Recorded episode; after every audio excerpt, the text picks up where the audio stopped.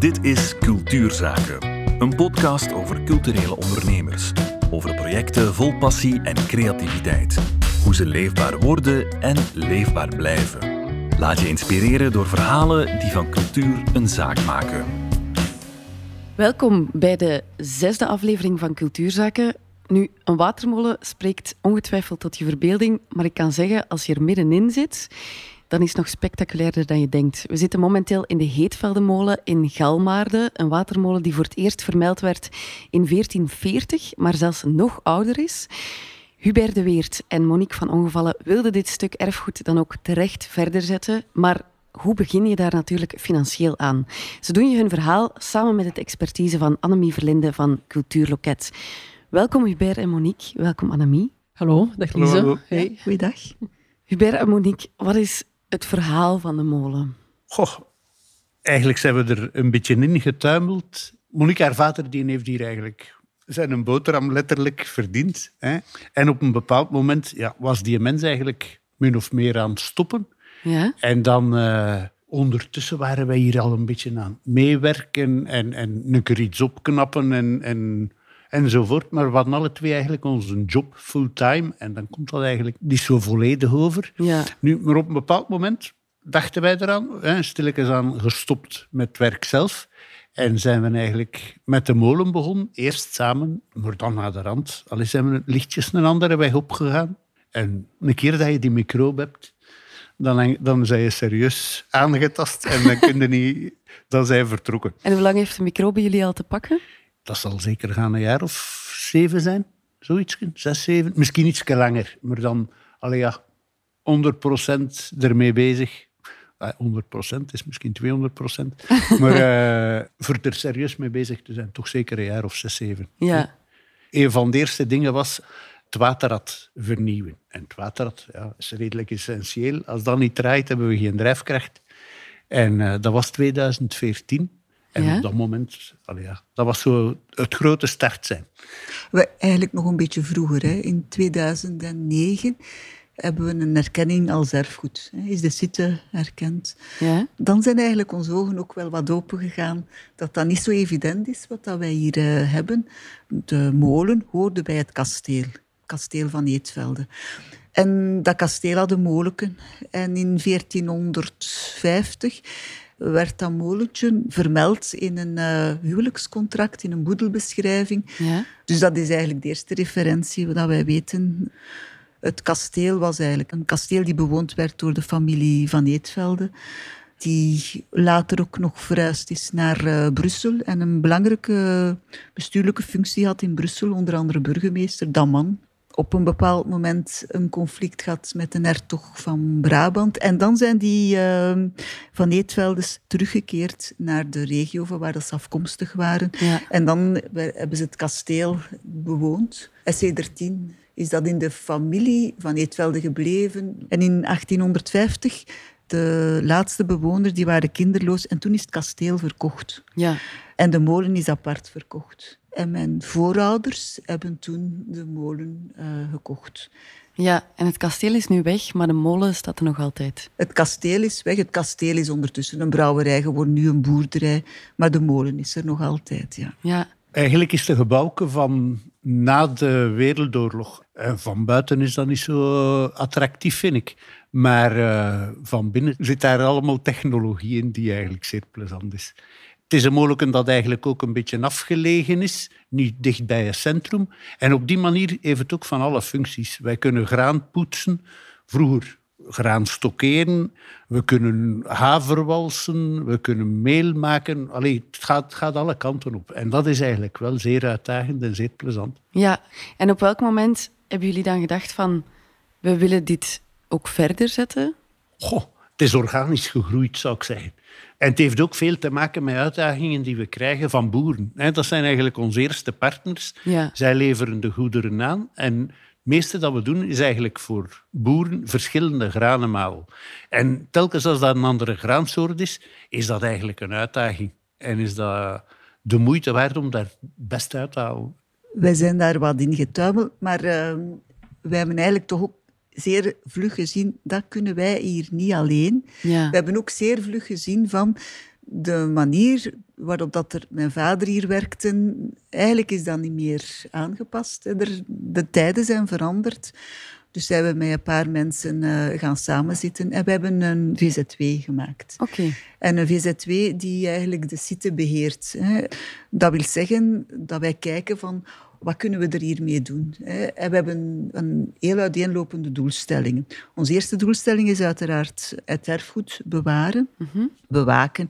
Ook eigenlijk zoeken naar het erfgoed aan te passen en een toekomst te geven. Ja. Het erfgoed, dat, eh, dus de toegankelijkheid van de gebouwen optimaliseren ook.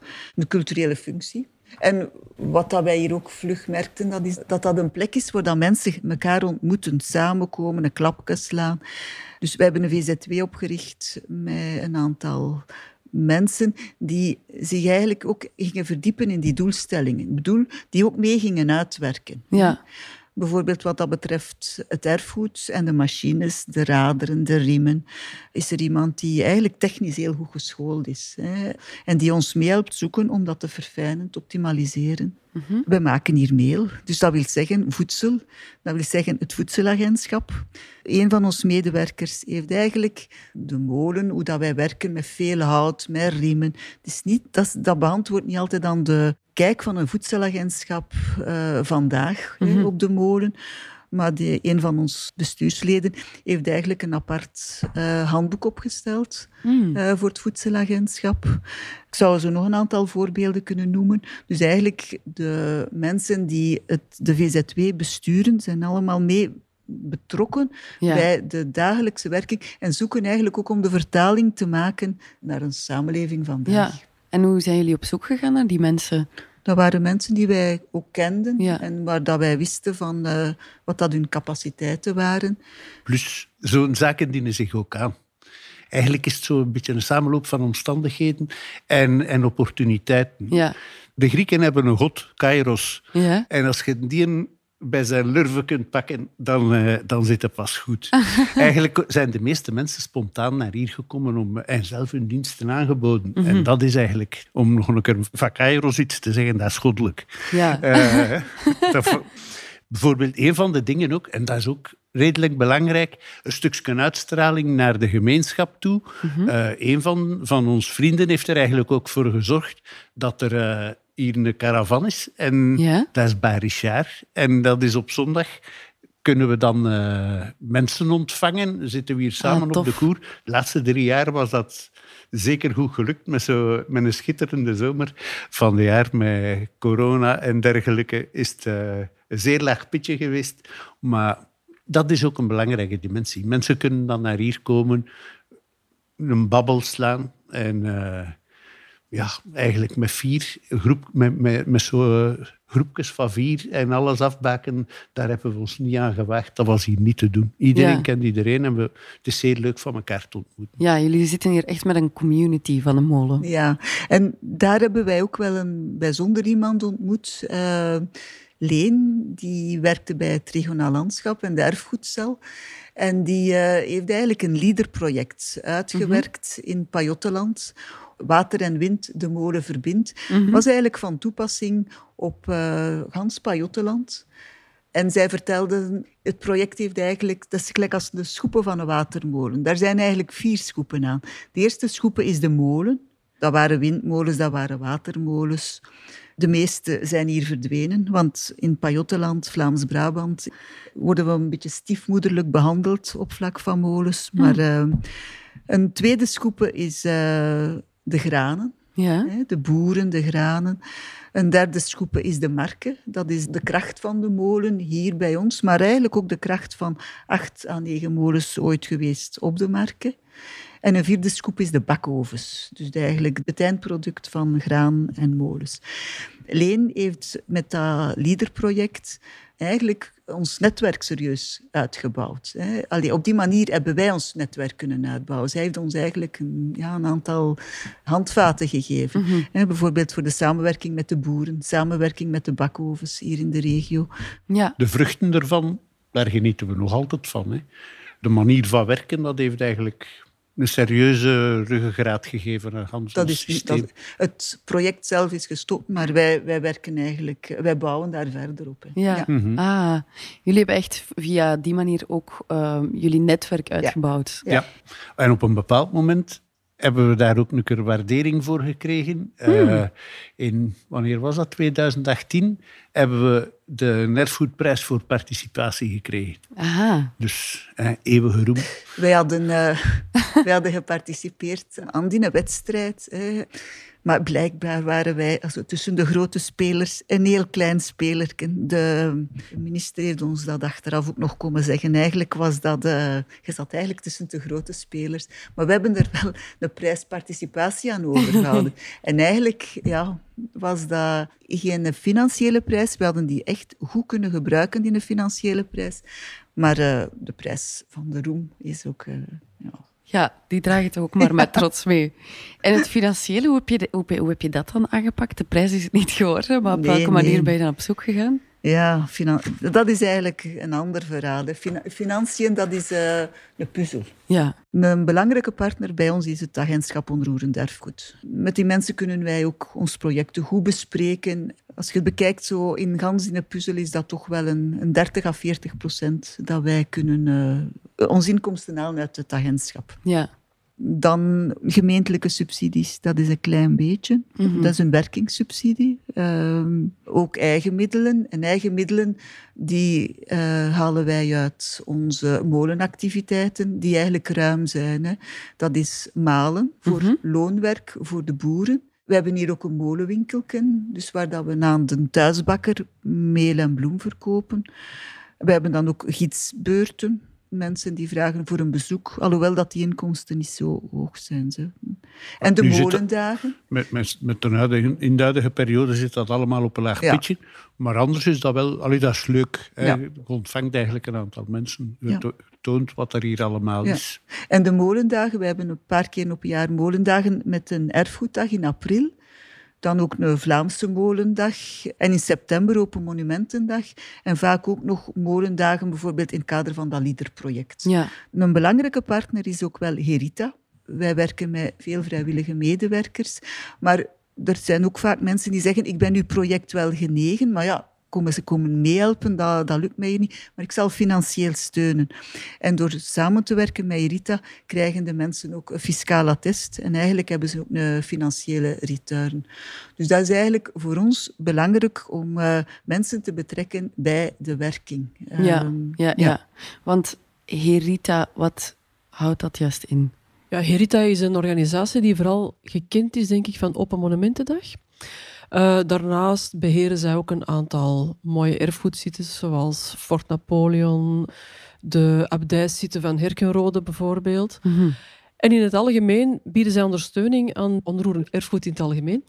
En ze doen dat door kennis te delen, door vrijwilligers aan te trekken, maar ook dus onder andere financieel. En dat doen ze via de Herita-projectrekening. Ja, En die projectrekening kan je eigenlijk vergelijken met een projectrekening bij de Koning Boudewijn Fonds.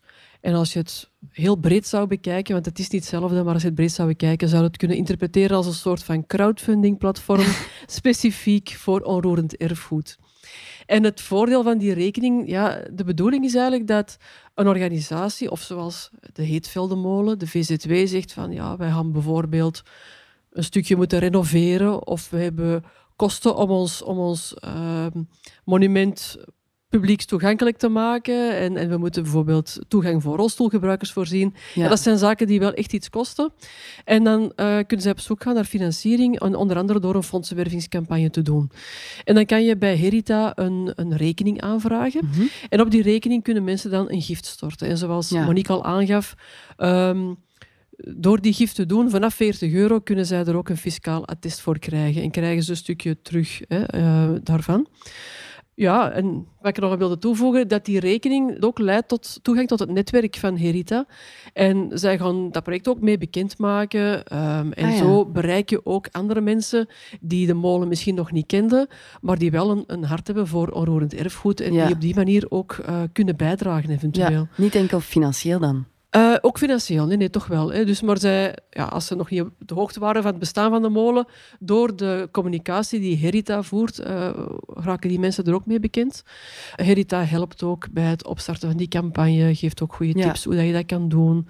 En kan iedereen daar dan gebruik van maken?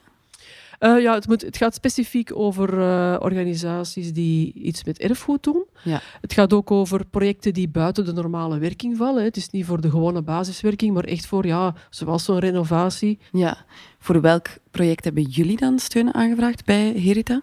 Wij hebben uh, steun aangevraagd voor de schuur. Dus in het kader van dat LEADER-project hebben we um, steun aangevraagd voor de renovatie van de schuur. Ja. En nu hebben we een project lopen voor het herstellen, het vernieuwen van de Maalsluis.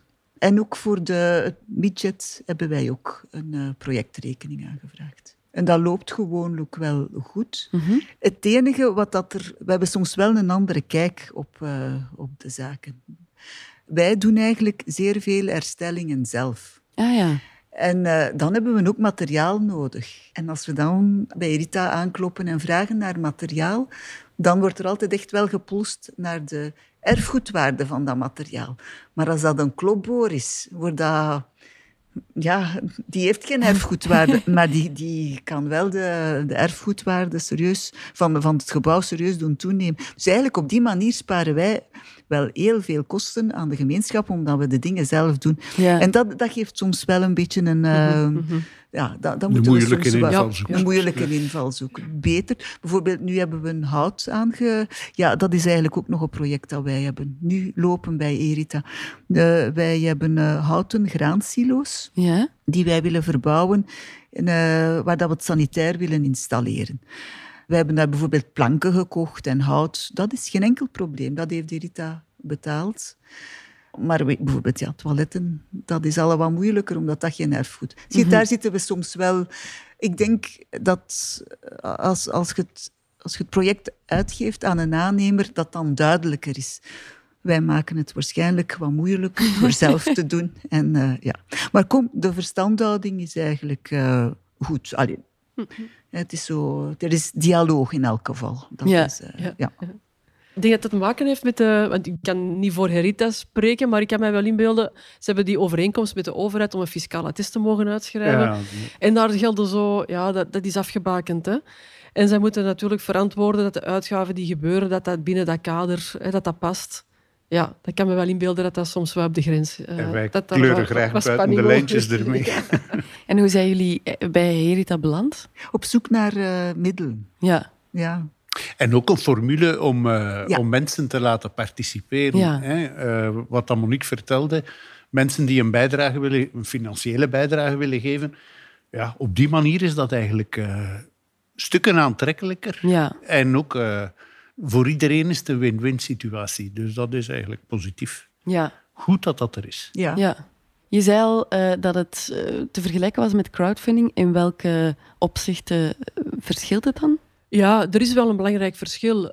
Doordat er een fiscale attest wordt uitgegeven, is het ook zo dat het geld dat binnenkomt op zo'n projectrekening bij Herita, dat blijft daar. Dus dat kan er niet worden afgenomen, zal ik Ja. zeggen. Dus stel dat het project door ja, uitzonderlijke omstandigheden niet zou doorgaan, of er is te veel geld op de rekening eh, voor het project, dan kan je dat daar niet afhalen. Ja. Dan gaat dat geld gebruikt worden voor een nieuw project dat je zelf opstart, of een andere projectrekening binnen Herita van een andere organisatie. Of het wordt eigenlijk een, een schenking aan Herita die het dan gebruikt voor haar eigen projecten. En Ah dat ja, is wel een belangrijk verschil. Ook belangrijk als het dan gaat over het uitgeven van een fiscale attest, dan mag je niks in return geven. Dus iemand Ah ja. die geld stort op die rekening, ja, je mag die daar geen cadeautje voor geven. En bij crowdfunding is het vaak zo dat je zegt van ah, diegene die 20 euro geeft, die krijgt een gratis toegangsticket. Ja. Degene die 50 euro geeft, eh, ja, we maken een, die krijgt een vermelding op de website. Hè. Ja. Zo krijg je een soort van return. Ehm, maar voor crowdfunding kan je meestal geen fiscale attest krijgen. En dat is natuurlijk wel zo bij Herita. Ja. Maar dat is een van de grote verschillen eh, dat we wel kunnen aangeven. Dat moeten wij ook altijd duidelijk vertellen aan de schenkers bij ons. Hè? Dat dat eh, inderdaad op die manier loopt. Ja. Dat dat niet zo is voor een wederdienst voor bewezen diensten. Dat heeft Ja. er niks mee te maken. Nee, die link mag niet letterlijk gelegd worden. Nee, dat klopt. Ja. En Erita eh, betaalt zelf de facturen. Ah, ja. Dus dat is eigenlijk Mm, toch mm, ook wel een mm, groot verschil. We hebben nu hout gekocht voor eh, de silo te herstellen. Erita betaalt die factuur van het hout. Dus wij moeten die niet betalen. Ja. Komt eigenlijk niet. Die komt wel in onze boekhouding, maar het is eigenlijk Dat is een soms ook, allee, dat, heeft, Ja. dat is soms omslachtig. Moeten wij goed aandacht geven. In veel gevallen, als wij materiaal aankopen, is dat mijn voorschotfactuur. ja. En soms gebeurt het dat saldo van die factuur, dat er daar nog iets bij komt. Dat er daar nog een staartje aan hangt, gelijk als ik zeg maar wat, transport of, of kosten die niet voorzien waren. En dan komt dat er nog eens achteraf bij. Zelfs op die, met die dingen is Erita zeer bereidwillig om dat, om dat op te lossen. Hè, dat Ja. is geen klachten. Geen klachten. En het is eigenlijk ook een overzichtelijke rekening dat je hebt. Je kunt die zelf consulteren en als je vragen hebt, eh, zij beantwoorden heel vlug je vragen. Ze zijn eigenlijk wel transparant. Dat is, eh, dat is eigenlijk een aangename werk. Je Ja. moet, ja, een werking moet je altijd opbouwen. Hè. Dat is ook voor hen. Ja. Ja. We hebben ook al een paar keer met collega's molenaars en zo Ja. eh, samengezeten zelfs hier, om, eh, om dat voor te stellen. En eh, allee, Erita is, is ook voor andere mensen een heel nuttige invalshoek geweest. Ik denk in 2017 of 2018 is er hier een vergadering geweest. Heeft Rita hier haar werking voorgesteld aan Ah, ja. de molenaars van in Vlaanderen. Hè. ja. En is dit dan jullie fulltime job? Komt erop neer. Eh, misschien zelfs iets meer. Ehm, nu, dat, dat is eigenlijk ook een uitdaging op zich. Hè. Het feit dat we veel medewerkers hebben, maakt ook uit dat we er heel veel mee bezig zijn. Al is het maar op de achtergrond, hè, om die mensen te ontvangen en te ondersteunen. En eh, nu, v- maak het ook boeiend. Hè. Zonder de medewerkers eh, hou je dat zeker niet vol. En, en zeker niet... Allee, dat maakt het, het ontmoeten van mensen draagt eigenlijk enorm veel. Nu, van de andere kant zijn we- is dat ook een zoektocht. Hè? En zijn we ook aan het kijken om eh, ja, toekomstgericht er eh, een staartje aan te breien en te zorgen dat we, dat we kunnen verder werken. Ja. Hè? Wij worden ook allemaal elke dag een dagje ouder. En eh, die opvolging, dat is nu de komende zorg. Wij trachten daar ook een stukje via een opleiding werk van te maken. Daar kan Monique beter over vertellen dan ik. Uh, Wij hebben eraan gedacht om in te tekenen op de beurs voor leerlingmeester. Mhm. Maar het is een kwestie van eh, ja, leerlingen te vinden die met interesse, met tijd, met, met passie. Interesse is doorgaans geen probleem. Hè? Tijd is iets anders. En passie is gewoonlijk ook geen probleem. Ja, ja. Daar twijfel ik niet aan. Ehm, en wat houdt dat traject dan juist in? De doelstelling van die beurs is eigenlijk om ambachten of kennis die ontstaan is vanuit het verleden, vanuit traditie, om die een toekomst te geven. En, en die overdracht van die kennis mogelijk te maken tussen een meester die de ambacht beheerst en een leerling die graag wil leren en die daarmee Ja. verder wil. En ehm, daarvoor eh, voorziet de overheid een subsidie waar dat je gebruik van kan maken. Het is natuurlijk niet evident, ook voor een leerling. Je moet er tijd voor vrijmaken om, om dat te leren. Je moet misschien een stukje van je job ja, een dag vrijmaken of vier vijfde gaan werken om één dag in de week mee te komen helpen. Eh, je moet materialen kopen, je hebt ja, dingen nodig om dat te leren. Ja. Ook voor de meester is dat toch een inspanning die daar ook zijn, zijn tijd voor beschikbaar maakt. En vandaar is er die beurs om die kosten mee te dragen. Om te verzekeren dat zo'n zo'n ambacht kan verder gaan. Hè. Zoals Ja. hier eh, als molenaar. Dat is een beroep dat je niet kan leren op school. Hè. Dat is iets dat je moet doen. En, en dat je moet leren uit eerste hand van iemand die ervaring heeft. En hebben jullie al, ehm, hoe, hoe ver zitten jullie in dat traject? Hebben jullie al mensen ontmoet die heel graag molenaar willen worden? Zeker, zeker. Eh, eigenlijk hebben we al heel wat voorbereid en ook ja, een aantal krachtlijnen erin gestopt. Want molenaar is, is eigenlijk iets ruimer. Allee, wij zien het zeker iets ruimer dan alleen maar graanmalen. De huidige praktijk waarmee dat we bezig zijn, is ook een stuk kennis verwerven van teeltechnieken. Het is niet zo eenvoudig om, dat, om, om zomaar graan te telen. Ja. Er is ook een financieel aspect aan verbonden. Hè. Hoe kunnen we een eerlijk loon bezorgen aan, aan landbouwers? Dat is ook een zorg die wij hebben. Als die landbouwers op een bepaald moment zeggen van jongens, we zien het hier niet meer zitten, we komen niet rond, ja, dan hebben we geen granen Ja. meer en dan mogen we ons molen sluiten. Hè. Dus zeer belangrijk dat die partners eigenlijk ook aan, aan hun trekken komen. Een molen is eigenlijk een ontmoetingsplaats. Als er hier iemand komt, dan komen die niet gewoon dingen opladen. Dan is dat eigenlijk daarachter nog een, keer een babbel van hoe zit het en waar zijn je mee bezig. En dat blijft zeer boeiend. Allee, ik heb hier al buiten de molen zelf zeer veel bijgeleerd. Ja, jullie zijn momenteel, oh ja, deze week, de molen stevig aan het kuisen tot hij blinkt. En dat heeft ook een reden, hè? Ja, af en toe zetten we onze feestneus op. Hè. En eh, nu, als we mensen hier ontvangen in de molen, normaal ligt er hier overal zo'n fijn wit laagje. Hè. Zelfs het licht wordt lichtjes gedempt door uh, de ruiten. Ja, nu is al, al Hans dat wit laagje eigenlijk verdwenen. Ja. En uh, hoe dan ook, als je in de molen komt, zie je de sporen. Het is eigenlijk nu de, de rustigste periode van het jaar voor ons. De nieuwe granen worden geoogst. En vers geoogst graanmaal is niet goed. Ja. Eigenlijk is dat, moet dat zijn tijd hebben, dat moet even rusten. En in oktober is het weer volle gas. In die tussenperiode hebben we gelukkig ook uh, een Open Monumentendag en zo, dus dat valt allemaal precies goed samen. En dan gooien wij de deuren open en trachten wij er ook altijd iets te combineren met kunst. Ja. Het is eigenlijk een leuk kader met, met leuk licht hier. En uh, op die manier gaan we aan de slag. Nu van de jaar, met allemaal die coronatoestanden, zit dat op een laag pitje. Maar we gaan toch iets nieuws presenteren, een nieuw soort bier. Oeh. De bronnen van de Mark die zitten in het bos van Silly. Ja. En de brouwerij van Silly die maakt nog altijd een donkere saison. Vroeger maakten ze zelf. En die saison, die in, uh, we hebben zo een, volledige brouwsel gekregen. En dat is verhuisd naar uh, de Drie Fonteinen. En, dat, en daar is nog een keer een brouwsel lambiek aan toegevoegd. Dus wij combineren de twee brouwerijen waar dat we het meest voor werken. En uh, uiteindelijk wordt dat een munkbier. Eigenlijk, uh, de, wij wonen hier aan de Munkbaan. Ja. Hè. In de volksmond is dat hier nog altijd voor een stuk de molen van Munk. Mm -hmm. Dat was eigenlijk, de Munk was de eerste um, gewone sterveling na de adellijke families die eigenaar werd van de molen. En uh, we denken nog eens terug aan die voorvader van Monique, Carolus de Munk. Vandaar Munkbier. En dat komt er nu zaterdag 4 september. En 5 september. En alle dagen die erop volgen. Oké, okay, dus uh, toestroom naar hier dan. Het is eigenlijk ook een, uh, een financiële actie. Hè? Dus eigenlijk zijn het de brouwerijen die de molen willen steunen. Ja. En die op die manier het voorstel gegeven hebben van...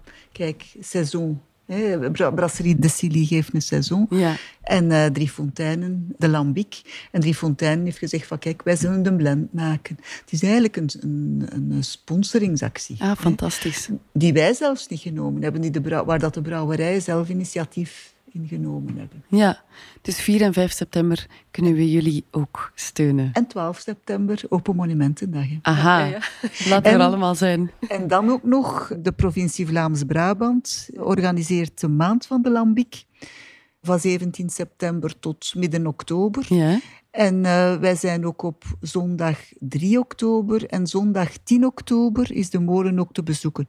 En zondag 10 oktober onder het thema lambiek en landbouw. En op dat moment gaan uh, Lucas van Nabelen en Thijs Boeles uh, duiding geven bij uh, het Granennetwerk. Oké, okay, dus nog maandenlang om jullie in een bloemetje te zetten. Hubert, Monique, Annemie, dankjewel. Graag gedaan. Graag gedaan. Bedankt voor het luisteren naar deze aflevering van Cultuurzaken. Op zoek naar inspiratie of advies voor jouw project? Check onze website cultuurloket.be en ontdek een schat aan informatie in onze kennisbank via opleidingen of neem er persoonlijk contact op met een van onze consulenten. Abonneren op deze podcast doe je gratis via jouw favoriete podcast-app. Zo hoef je geen enkele aflevering te missen. Tot snel!